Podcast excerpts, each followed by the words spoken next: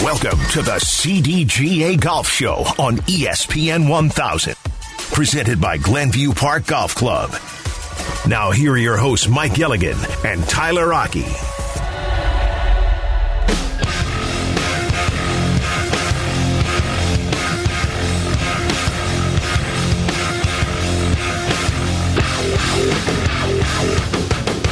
Good morning and welcome on into CDGA Golf Show presented by Glenview Park Golf Club. Tyler Aki alongside Mike Gilligan. We talk golf with you every single Saturday throughout the golfing season right here on ESPN 1000. You can also check us out on 100.3 HD2.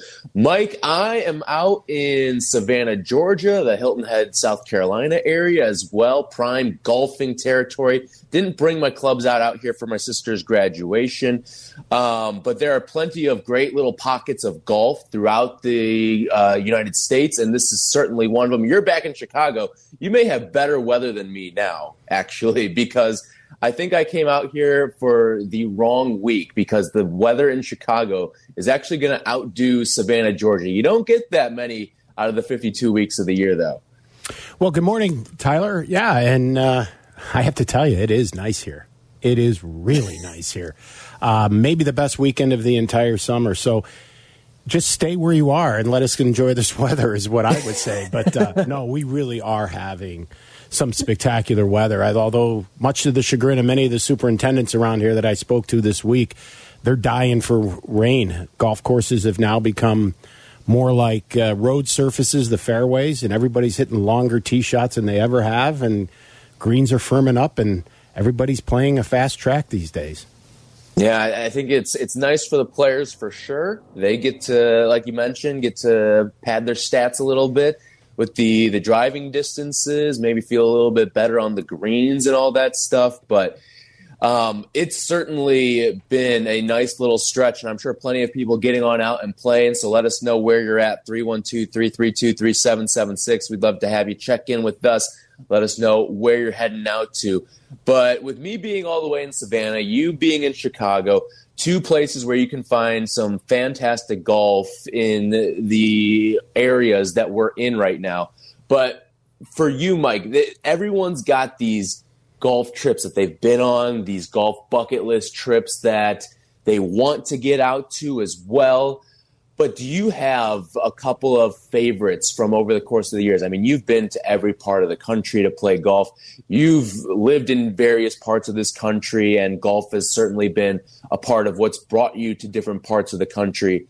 What for you are some of the golf trips that have been most memorable and some of the areas in the United States that are some of your favorite places to play? Well, you're near one of them, uh, Pinehurst.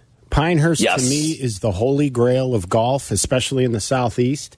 Um, they know how not only to treat you as the guest to one of the most amazing golf experiences. It's one of those places where you drop your clubs off. Yeah, there's 10 golf courses all around Pinehurst, but your clubs always seem to make it right to that first tee with your caddy ready to go. They have things so organized, but that that place just exudes history. It's just it's so cool and it's so quaint. The little town of Pinehurst. Um, mm-hmm. It, it and when you can share it with some friends and family, it makes the trip that much better. And without question, you know, for me, Pinehurst was on the bucket list and it will always remain on the bucket list because I can't wait to go back. I was sad to leave. And it's one of those places that when you know you're sad leaving a place, you know it had a, it left a mark on you. And Pinehurst certainly did that for me. I'm right there with you on Pinehurst. I was fortunate enough to go two years ago. We played number two, number uh, yeah, number two, number three, number four, and number eight. And you can't obviously choose the championship style course that you go out there and, and it, you recognize all the different holes. But I mean, you go to, to number four, and they've got some beautiful holes out there as well. I think number eight might be the most peaceful place on earth because of just the it just feels like you're out there on the course with you and your thoughts it, it's it's really a special place out there um, and, and, just you're right like the the town itself is another one of those just golfing towns. You know, it, it kind of reminds me a little bit of like Cooperstown. What Cooperstown is for baseball, it feels like Pinehurst is for golf in a way. It really is, and in fact, to your point, they're going to be moving a Hall of Fame there. So that that analogy is really spot on. Um, so yeah, the USGA is going to have a museum there. Um, maybe not the Hall of Fame, but they're going to have a museum there, I should say. Um, mm-hmm. But yeah, they that place is exactly like a Cooperstown in the southeast. But you know, you get a you know, you mentioned course eight. I would agree with you there. I actually think course four might actually be more enjoyable and more playable than course two. Um, they've hosted U.S. amateurs there and other major events, but two gets all the accolades, but four was probably the most enjoyable uh, of them all for me. Well, yeah, you go down there, and I'm right there with you. I actually preferred four over two, and they're both fantastic. Don't get me wrong, but you you look at um, you hear all the the superintendents there and the starters and everyone is going to tell you there you know you come down here for number two but you come back for number four. And that certainly was the case for me. Uh, number four was i i feel like number four is a definitely a more scenic golf course almost because of the way that the the course is laid out some of the holes and the the design and all that stuff. But the nice part too is when you do go down to, to Pinehurst, North Carolina, it's not just Pinehurst that you can go to. There's places in the area as well that also have phenomenal golf courses too. It's, I mean, the whole state has a, a bunch of them. I, I, think North Carolina is probably up there on most people's power rankings of best states to go play golf in. But you can go down the road and find pine needles. You can go uh, out to Tobacco Road, which was one of my absolute favorite tracks in the entire area. Um, there's so many different spots. And if you've got a favorite golf destination and trip that you've taken, a course that you've gone out and played, let us know. 312 332 3776. We'd love to hear all of your golf destination trips and spots and all that stuff. And maybe you've got a hidden gem as well out there that you want to enlighten us on. 312 332 3776. You want to jump on into the conversation here. But yeah, I'm right there in lockstep with you. Pinehurst, certainly my favorite spot there's a bunch of other places. I know you've been. Do you have like a top four or five couple of courses that you've played across the United States? Well, from a resort or a destination perspective, again, I wouldn't go too much further down the road or for you, just up the coast a bit to Kiawah. Kiawah for me is another fantastic place. The ocean course and all the other courses that support the resort of Kiawah. Then you get into that whole Charleston area, which may be one of the more you know, beautiful, um, touristy kind of cities uh, to to visit, but the golf that goes right along with it, all in the you know the South Carolina, all around the. Uh, you know the low country if you will is just absolutely fantastic so you know the southeast there is really good i think Streamsong down in florida is another one i mean you, you it's hard to talk without mentioning Pebble Beach. I mean, Pebble Beach is right. probably everybody's bucket list for sure. Um, whether you have the the wallet that can handle the green fee out that way is a whole other matter. But then you know you start looking more regionally here, and I have to tell you, Kohler and Whistling Straits, we may be spoiled about how close it is to us, and oh, you know say yeah, it's just up in Wisconsin, but man, when you pull into that area of the of Wisconsin, you just don't even think you're in Wisconsin anymore. Yeah, no doubt about that. I think another one that uh, me and my buddies have on our bucket list to get to one day, Bandon Dunes out in Oregon. That's another one that have you been to that one? I have not, but ironically, the CDGA has booked a member trip there for the fall of 2024, and that's a hot take. That just happened. So, for those who do want to go to Bandon Dunes, we are going to be able to provide that to you uh, come next fall. And that's one of those things like 2024 you bring up there. You got to get out in front of it if you want to go to a place like Bandon Dunes. I remember the first time I met our friend Eric Ciotti. He was wearing a Bandon Dunes hat, and I was like, "Oh, that's one of the spots that I really want to get to." Um, and he had I think he had just played or played like maybe within the, the past year or so um, of the time that I had met him. But yeah, that's uh, that's another one on my list out there of places that I want to get to. There's so many places up and down throughout Florida and all that stuff.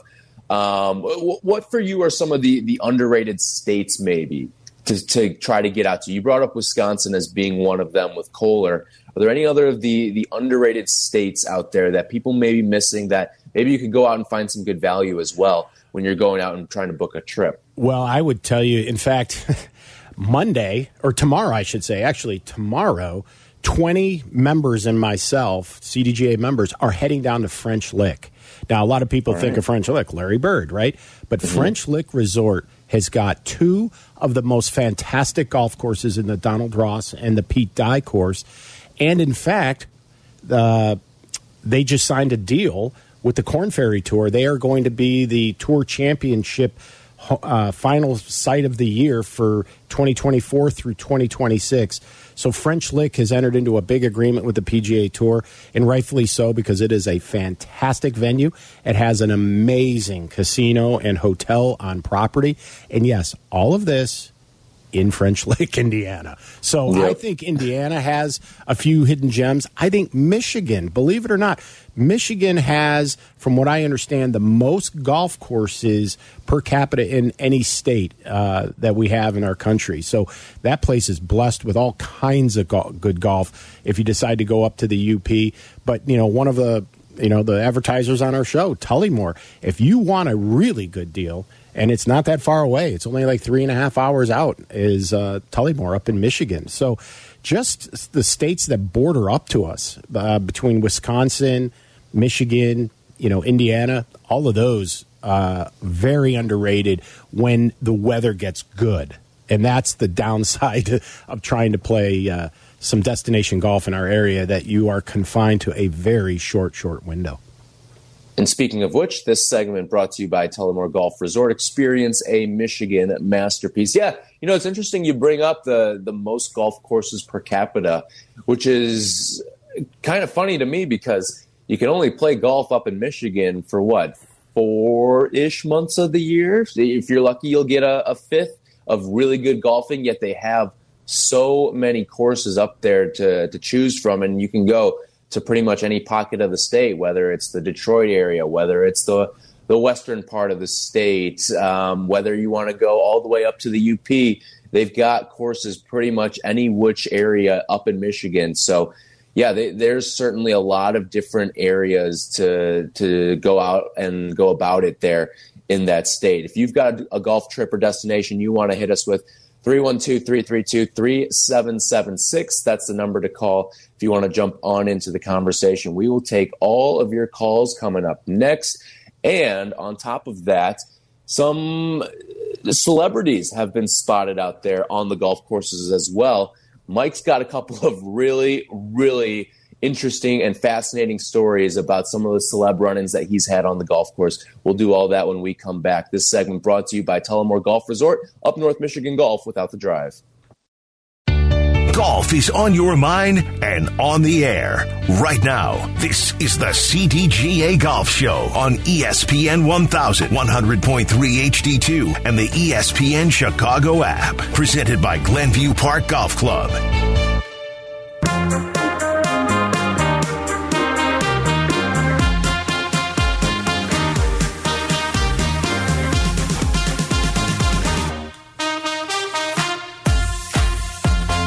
This segment is brought to you by Geneva National. Experience 54 holes of legendary golf at Destination Geneva National. Tyler Aki, Mike Gilligan with you on the CDGA Golf Show. Looking forward to this. Um, Chicago Bears head coach Matt Eberflus caught up with the CDGA. You'll get to hear a little bit of his conversation with Casey Richards and company in just a little bit. Uh, ran into the guys up at Halas Hall earlier this week and they were talking with Coach Eberflus, who is a very, very avid and good golfer as well. So you'll hear from the coach coming up in just a little bit.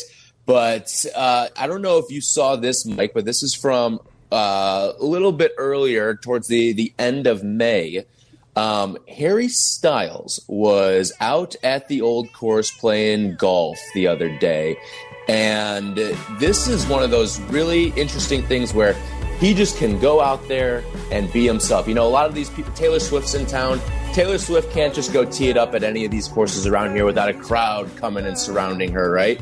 Harry Styles, the same way, but he did make a little bit time in the middle of his tour out in Europe to stop at the old course at St. Andrews. And what's interesting is when he's pulling up to 18, there is an open championship caliber crowd waiting for him in the gallery there, watching him putt out on 18. And it was funny too, he's even coming off the course and he's he fakes a ball toss to the crowd like it was uh, like he was actually playing in the Open Championship or in a tournament style. But yeah, Harry Styles, he's known to play around here as well. Um, I believe the last time he was in town, he was at Medinah playing, um, getting a, a, quick round of 18 in before his uh, his next tour uh, concert and show. And he even, I remember his last tour when he was in Chicago, he got even a little bit of extra golf time because that first show that he did ended up getting canceled, or rather postponed, I should say, because one of his uh, uh, crew members ended up getting sick, so they couldn't do the show that night, and they had to push it.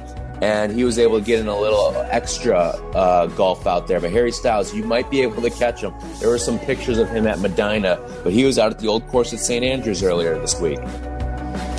That's that's amazing. Those guys get an opportunity to see some amazing places all over the world when it comes to golf. So I always like to hear the celebrities' bucket list, if you will, because they really get a chance to see some of the most remote places and some of the most unique places, and to have a chance to have the experience that he had at the old course. That that you can't make that stuff up. That's just awesome. Yeah. So have you had any uh, celebrity run-ins on the golf course out there before? Oh, yes, I have. and um, a few have really, really, really made their mark on me. Um, specifically, early in my career, I was out at uh, Riviera, and we were having the 1995 PGA Championship out at uh, Riviera Country Club, and so part of my job was to help consult and get the the event ready, and so I would make visits out to the club on a regular basis. So May 1994, I'm out at Riviera, and Dick Caruso, the general chairman, goes, Hey, would you like to meet somebody? He's coming up this hole right now. And I said, Who? He goes, I think you'll recognize him when you see him. And so as soon as he walked up, it was OJ Simpson. Wow. Now, this is three weeks before the actual incident occurred. So at this point, I. So three weeks before the chase. Yeah, three okay. weeks before the actual, well, let's just say the what happened to Nicole and whether he did it or not, but the chase and all of that. So I got to meet him when he was at the height of who he was. Right. And just a matter of a few weeks later, I'm out at Oakmont at the U.S. Open on that infamous Friday, and the his world and the perception of OJ all changed in that moment. And it was the most surreal thing. And it's still to this day, when I think back about my first encounter with OJ and how amazed and how in awe I was of this, you know, athlete and this celebrity. And, you know, he's in the Naked Gun movies. And I mean, he had the world, you know, by the cojones. And, you know, all of a sudden it all changed. And what was really unique for me was being able to then go back out to Riviera as all of this transpired through August of 1995. And so for me, that's probably the first on the bucket list. At the time, OJ was a great guy. I mean, I I, right. I was like, yeah, this guy's got it together. He knows how to treat people. He uh, he just lights up the room when he talks to you. It's it's all of that. And when I saw it all crumble when he was driving around in a white Bronco, I was like, three weeks ago, I just met this guy, and I, it, it, was just still to this day, it just it, it's just the oddest feeling for me in that regard. But um, that would lead the list. Uh, when I was in Pittsburgh playing with a fraternity brother at the Pittsburgh Field Club. Uh, we came in, and sure enough, uh, who was two groups behind us, uh, we went back out to watch him was Mario Lemieux. And then Mario came in to the grill and just sat there like the rest of us. And for the most part, all the people just left him alone. Um, but again, another guy that was at the height of his career couldn't have been a more super individual. Um, and then another one that's rather unique. When I was at Winged Foot, I was playing the uh, the 14th hole on the West Course, and this gentleman by the name of Matt Lauer. Uh, wow. NBC right. anchorman was yep. playing on the other golf course, and he was playing what I believe was the sixth hole and he sliced the ball so badly. Now, I didn't know it was him at the time, but I was over my shot. And when I tell you the ball, I could hear it and feel it go right past my forehead and my ear and land like literally a foot and a half from where I was standing. Um, uh, you know, I was like, I can't wait to see who this guy is. And so, sure enough, here it is, Matt Lauer. And couldn't have been more of a gentleman and couldn't have been more apologetic, which made me feel better because he he darn near crowned me with that thing. Um, but yeah, another great guy. And when I was at Winged Foot, I would run into a celebrity here and there. And one guy I ran into quite often because he was a member there was Donald Trump. So, oh wow, yeah. So I knew Donald Trump before he became president. so, yeah, those are just a few of the uh, celebrity sightings I've seen around the country. Now here in Chicago, I ran out to Mike, ran into Michael Jordan a couple of times at Glen Oak Country Club, mm-hmm. and then when I was working at the Village Links um, back in the day in the mid '80s, uh, Denis Savard and all the Blackhawks that lived out in the western suburbs would would all come out and play the Village Links on an everyday basis, especially when it became playoff time. And it was so crazy to see four to eight Blackhawks coming out in the morning and knowing they're going to skate later that night. And, uh, it, they were such gentlemen back then, and I mean they still are. They actually would leave us with tickets uh, at times. And yeah, maybe they were standing room only or nosebleeds, but we didn't care. I mean, we were 17 years old heading down to the old Chicago Stadium, and we would always say, We're guests of Steve Larmer and Denis Savard. that, yeah, it feels like every everyone sort of has like a, a Jordan story too about the days. Like, I know he would, what, he would frequent uh, Sunset Valley, I believe and just all the epic stories of him playing golf before going out and dropping 50 in a big playoff game, right? It seemed like that was the formula for him. Everyone's got routine these days. All these athletes, they they make sure to get in their their pregame nap. They get to the stadium X hours before the game, get some shots up, what have you. Jordan was he he would go out play 18, sometimes 36 before uh, a game, and then go out and drop 40 on your head like that. Like that was the Michael Jordan way. Oh, it sure was. I mean, and for again, we always say golf is is therapeutic, and I think you know for Jordan in a way, it, it rid himself of some of that nervous energy during the day, but allowed his mind to go into a place that was for him a happy spot, and then he had the ability to walk off that golf course, flip the switch, and now it becomes you know I'm going to play like an assassin. Right. So I had a run in, and this guy's not like super famous, famous, um, but I had a run in. What was this now? Probably two, three weeks ago with uh, Jimmy Sotos. I don't know if you're familiar with Jimmy Sotos, but he was a uh, he was a, a, basketball player at Ohio State, but he has oh, turned yeah. into a big TikToker.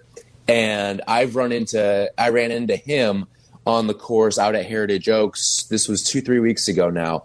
Um, but he ha- has turned himself into like a big TikToker out of his uh, out of his basketball career. So I ran into him the other day. He's got like hundreds of thousands of TikTok followers now. Um, but that's my, I, I, believe, my lone celebrity run in on a course. Um, but I'm sure there will be some to to come down the ways at, at some point. But you always see this is like I think there's two places where you can really just run into celebrities. It's airports and golf courses. Those are the two places where if you want to like because there's no just private golf course in terms of like oh only one person can play here right? It's your own unless you're michael jordan. He's got his own golf course out there i believe in north carolina. But unless you're michael jordan you don't have your own quote unquote golf course. It's for the masses. Um, even if it is for a select club of people these are all for the masses. and that's the the one way to to sort of run into these people. Whether it's like you said uh, on the the patio after a round, whether it's on the course, whether it's a guy almost striking you with a, a slice shot from 12 holes away, right? Um, th- this is one of the ways that you can kind of rub elbows with some of these people, and it reminds you that hey, sometimes they're just like us too. No, and they really are, and no more is that the truth than when I actually another guy that I ran into, not the name drop, but Wayne Gretzky. Wayne Gretzky was out at Winged Foot, and I ended up at, being invited to have lunch with the group. And I'm thinking this conversation is going to be all about hockey, which I'm a huge hockey fan.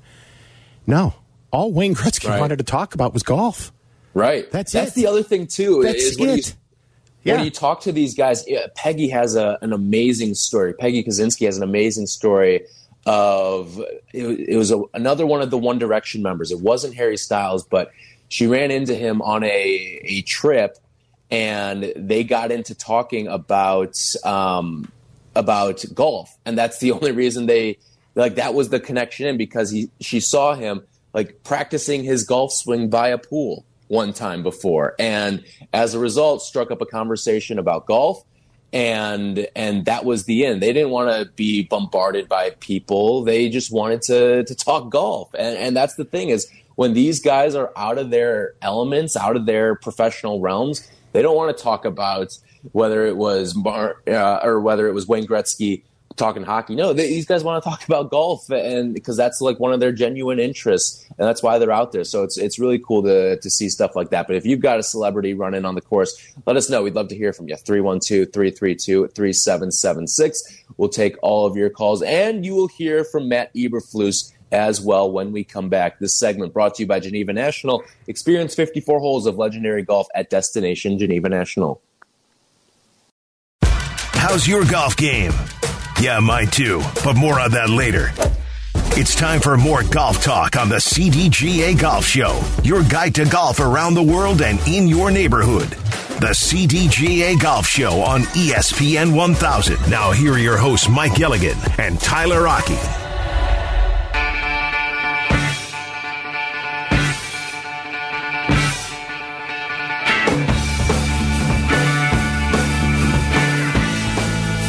This segment is brought to you by Zero Friction and their new Wheel Pro Golf Bag. Welcome in to the CDGA Golf Show. Tyler Aki, Mike Gilligan, talking all things golf with you. We're, we're talking Harry Styles made an appearance out at the old course at St. Andrews last week. And, you know, the golf course is a place where you can run into celebrities from time to time. And um, this is something that Mike uh, he shared some great stories about some of the celeb run-ins that he's had out on the golf course. But we would love to hear from you as well. 312-332-3776. Bill is in Niles. What's up, Bill? Hey, how are you doing, guys? Um, Good. Good, Bill. Yeah, I had a great one down in Hilton Head, South Carolina. I was a single playing Harbour Town. Starter says, "Hey, you're going to be playing with the Durhams." It's a great shake gets out of the cart. It was Ray Durham from the White Sox and his wife. Wow. He was retired at the time. Oh my god! It was fantastic, and uh, he tees off, I tee off. We go up to the women's tee. He introduces himself, or we you know just small talk, and he says, "So where are you from?" I said, "I'm actually from Chicago. You know, we have down here for some time off." And he said, oh, I spent some time in Chicago. And I just looked at him because I'm a huge White Sox fan. He says, Yeah. I said, Yeah, Ray, I know. I said, I'm a huge White Sox fan. He says, Really? He says, Yeah. He said, We're going to have fun today. So then he tells his wife, and at the next, when we get up to the green, she's like, What are the chances? He was a class act, signed my card afterwards, and it was it was just an awesome 18 holes. That's fantastic. So how about that? You go down to South Carolina, and what do you know? You play a little bit of golf with an all-star second baseman of the White Sox. That is great. And you played Harbour Town, no, to yeah, top it all off. right. Yeah. Thanks for the call, Bill. Appreciate that. 312-332-3776 if you want to jump on into the conversation here. Bill is in Grayslake. What's up, Bill? Hey guys, great show as always. Um, another course you. that you have to go see that's beautiful is Arcadia Bluffs. I love that place. But I went to ASU and I had opportunities to play with many athletes because they all live out there in the off season. One was uh, at Grayhawk got a little game together with Nick Punto and Eric Gagne, and uh, oh wow, these wow. these athletes are incredible ball strikers. It's just really cool to see in person how hard they can hit the ball. It's it's insane. But I I had a question for you guys. It's mm-hmm. something me and my buddies go back and forth with. When we go to a course that's like, you know, a Pinehurst or wherever, it's something you don't play all the time. I always want to play the tips. I feel like when I don't play the tips, I leave there and I leave something like out of the experience. What do you guys do? Can't wait to listen and uh, keep up the good work. Thanks for the call, Bill. Appreciate it. So, Mike, where do you stand on that? Because I, I get what he's saying. You want to get the full golf experience, but you also you do want to play to your skill level. You don't want it to be a, a disaster round when you are at some of these spots. No doubt. And well, before he could get off the line, I wanted to find out what his index was because for me, that is oh. the tell telling story. If you've got the game to go back to the tips, no doubt you want to go back to the tips. Yeah. But for me, you know, my index right now, I think is 1.9 or whatnot. I'll only go back to the tips if I've got the right you know cast of people playing with me because I do not want to make a bucket list course a miserable experience for the people that I'm playing with as well. So we pay real close attention to who's in the group, the playability, because we all want to walk away with it as a very positive experience. Um, not that we want to make the course easy by any stretch of imagination. It's just we want to make it fit our game. And I think your index will tell you that. USGA is coming out with a new program that they're beta testing this year, and it's all based on the tees you select are based on how far you hit your seven iron. So I think that's something that's going to, you know, help with pace of play is to literally get the tees correct so that you aren't that group that why are they playing the tips? Shouldn't they know any better that there are 240 yard force carries from back there and they just don't have that club in the bag. So, yeah, we we pay strict attention. But if I've got a bunch of single digit indexes with me, to the back we go. Right. I think that's the the proper way to do it right there. And like I remember when I was at at a Pinehurst, like the you got a caddy with you, and he's showing you, all right, let's let's walk all the way back here when you're waiting at a hole. Come follow me all the way back here. This is where they shoot when they play the U.S. Open here, and you see, whoa, this is a totally different golf course when you're playing it from all the way back here as opposed to where you're about to tee off from at whatever tees that you play from because it, it really is spectacular how they do change some of these courses and um, but but to Bill's point, like I, I get the the want to play from the tips. I would just I, I'm with you too, Mike. Like if you are, just make sure that it's still going to be an enjoyable experience because I remember when we went to Pioneers, we went with one guy who he's really, really good, and he's like what he can out he outpaces the rest of the group by far. So he would shoot from back there. We'd let him shoot from back there, but we would go up a tee box because we just could not compete, and it wouldn't have been as enjoyable for us if we were playing from the the tees that our buddy Tim was playing from. It would have been a completely different experience for us, and I don't think it would have been one that we would have enjoyed as much. Well, exactly, and in fact, I played Erin Hills with a few other guys from the CDGA uh, two years ago, and we all had a variety of indexes. We all played from what I'd consider, you know, not the far back tees, but we were back. We were back, what I would say, the blues anyway, mm-hmm. um, but not the golds or blacks or whatever.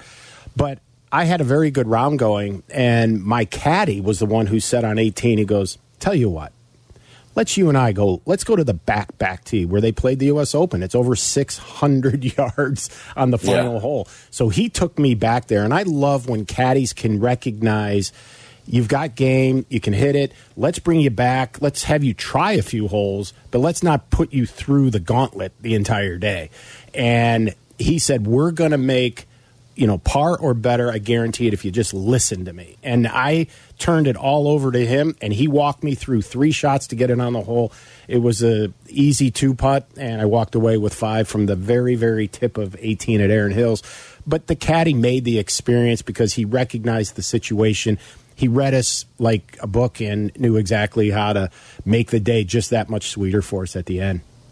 Yeah, that, that's really cool. And, and that's another part when you go to some of these places is if you're on the fence too about the the caddy, do it because you are going to get a different golfing experience. And like you just brought up there, that's certainly an example of that uh, perfectly right there. Because it, without that, you wouldn't have gotten a chance. So, how many of the did you say you played a couple holes or just that 18th? Just the 18th there, okay. but I've also had it when you know I've been at other courses where when they've built a special tee or they did it for a special event that had come through either in the past year or in recent times they'll take us back. It might be on the fourth or the eighth or the twelfth hole, but they'll take us back. We might play that hole there from the back, and, and at the end of the day, out of the 18 holes, we might play three holes from the tips, but the other 15 from all up in front. And it has us afterwards. You know, you're you're you're sitting around having some cocktails after after golf, and you, you start talking about those. Those are some of the memories you're going to bring back to us. Yeah, we played 12, but we played 12 all the way back, you know. Right. And we didn't know there was a tee behind the back tee, which we thought was the back tee. That was the second to back tee. So, you know, you walk away with just a, a value added experience when it's all said and done. But, you know, I liked what Bill said about the athletes, and I have to agree with him.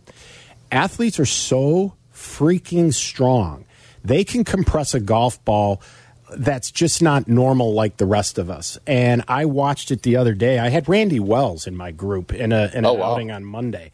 And that's a big boy. I did not realize yeah. that guy's six six. And he is he's he's built and he can absolutely annihilate it. In fact, he hits it so hard that his spin rate is so high, the ball has a, a different flight to it than yep. than what I might see. But uh, the entertaining part was, you know, it was one of these kind of holes or kind of outings where they had different things going on at different tee boxes, and one of them was a dunk tank, and so you had to throw balls at the, you know, the poor girl sitting up in the little dunk tank. And once they found out Randy Wells was in our group, everybody was throwing out $20 bills, telling him to throw for them. He dunked her nine out of 10 throws. it was the funniest thing. But uh, yeah, I mean, so to your point, you'll run into these guys in at golf courses, and it's it's just amazing because golf is that common denominator. And it's once you have that connection with a celebrity or just a, a regular person and you both see the game or the interest in the game in the same vein, it connects you for life. It just does. Yep. And that's the magic yep. of golf. Yeah. And you bring up too with like these athletes and specifically like the pitchers, eh, those guys when they're uh, when they are have their off days, specifically the pitchers, because they they only go every fifth day, right? Like that's a lot of times what you'll they'll end up doing is you, they'll go out and they will um, they'll go out and play golf on, on, those off days for them because especially spring training too when you're in Florida or Arizona boy I mean it's golf courses galore and with these guys only going a couple innings and pretty much once their their day's over too they end up leaving the park so they pitch their two to four innings or whatever they're on the slate for that day and then they take off right after they shower take off and then they go out and they'll, they'll, go play some golf if they've got some some daylight still left in it. So that's that's uh, a heck of a way to spend an off day there for not just you and I, the common folk, but also for some of these professional athletes and the the coordination and the hand eye that these guys have too is part of what really separates them and why it can be so natural for them as well. All right, we'll take a few more of your calls when we come back. And we will get to Matt Eberflus at 9 o'clock. He got a chance to sit down with the CDGA for a quick nine on his golf game. Looking forward to hearing from the head coach of the Chicago Bears right here on ESPN 1000, your new home for the Chicago Bears. 312-332-3776 if you want to join us. This segment brought to you by Zero Friction, the most innovative products company in golf. Welcome into the CDGA Golf Show on ESPN 1000. Presented by Glenview Park Golf Club. Here's your hosts, Mike Gilligan and Tyler Aki.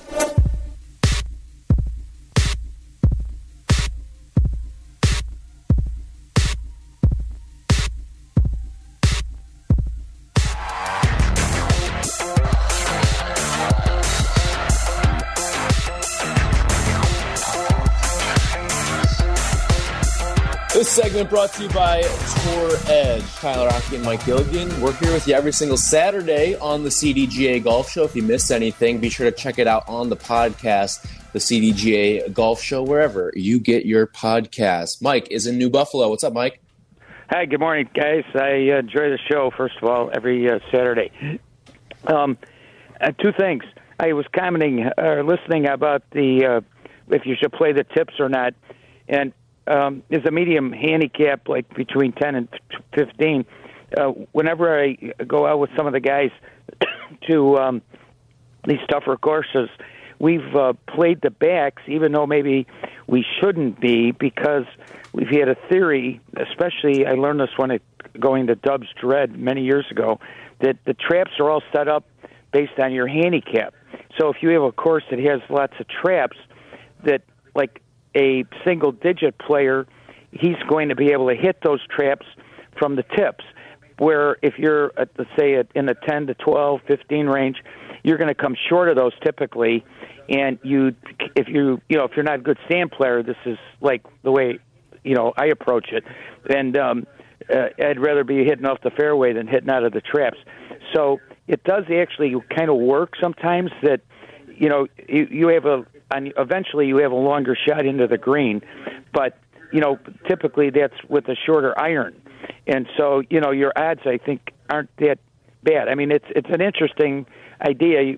Somebody might try it, and then secondly, I was earlier when you were talking about bumping into people, I was uh, playing at a really nice course out in the East Coast, and we got done. We were, and um, I got over to the bar before the host, and who was a member, and I'm talking to this guy for about oh a half hour waiting for the other fella to come down and uh, for dinner, and we're talking about sports and everything, and oh he comes walking down and goes, oh he goes, you guys met, and I said, yeah, I said we just been talking about sports, and it was Chris O'Donnell from uh, Robin from Batman and Robin, and it turns out he grew up in Wilmette and um, uh, knew we knew a few people. I didn't grow up in Wilmette, but we knew a few people.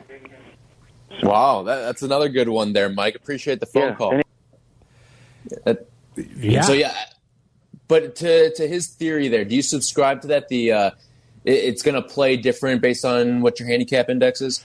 He's right on certain levels for sure, but where you start to get yourself into trouble, like if you go to the Ocean Course, for example, at Kiawah, and you go to the back tees if he is, you know, a mid to higher handicapper, he's going to have a very, very difficult time clearing a lot of the force carries.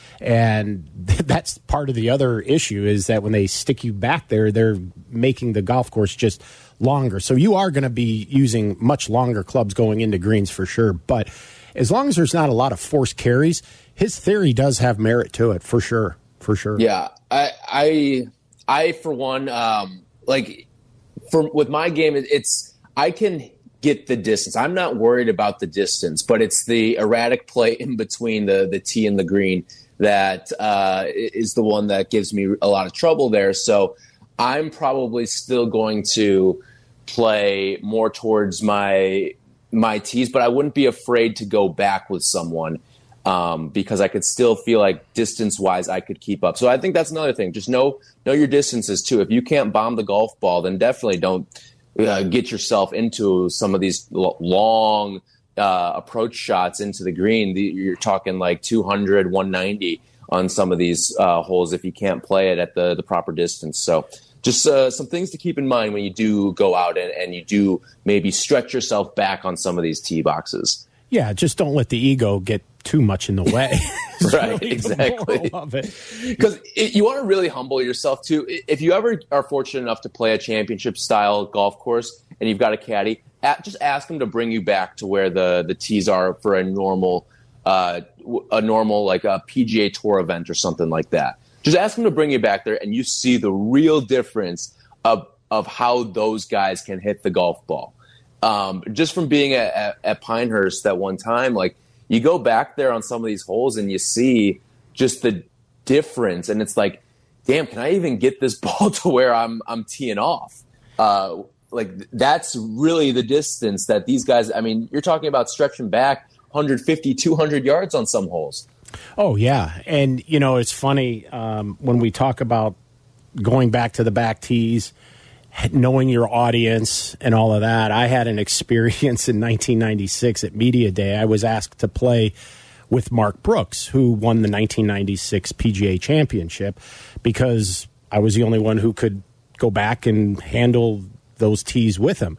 Then they stuck two other people with us Gary McCord and Jim Nantz.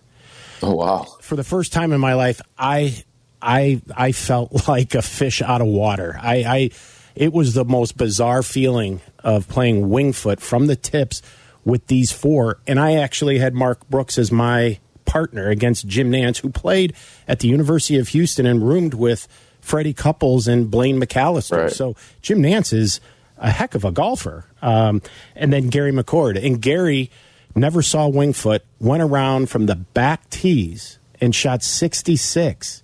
And needless to say, we, Mark Brooks, I think I beat Mark Brooks that day, and we ended up losing quite a bit of money to him. But Gary McCord couldn't have been a nicer human being that day.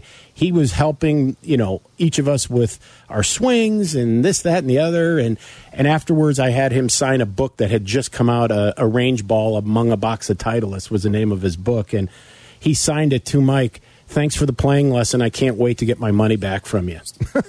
so polar opposite of what happened. But has he yeah. cashed in yet? Uh, has he cashed in on a second round with you? Uh, yeah, he has. We've uh, I've actually spent time with him up in the broadcast booth uh, at some of the events, and it's wild how they broadcast uh, golf from from the TV towers. I, I learned quite a bit, and Gary's just a wonderful, wonderful man, and uh, I've enjoyed every moment of time I've had a chance to be with him, and um, you know, it's nice to be able to call him a friend.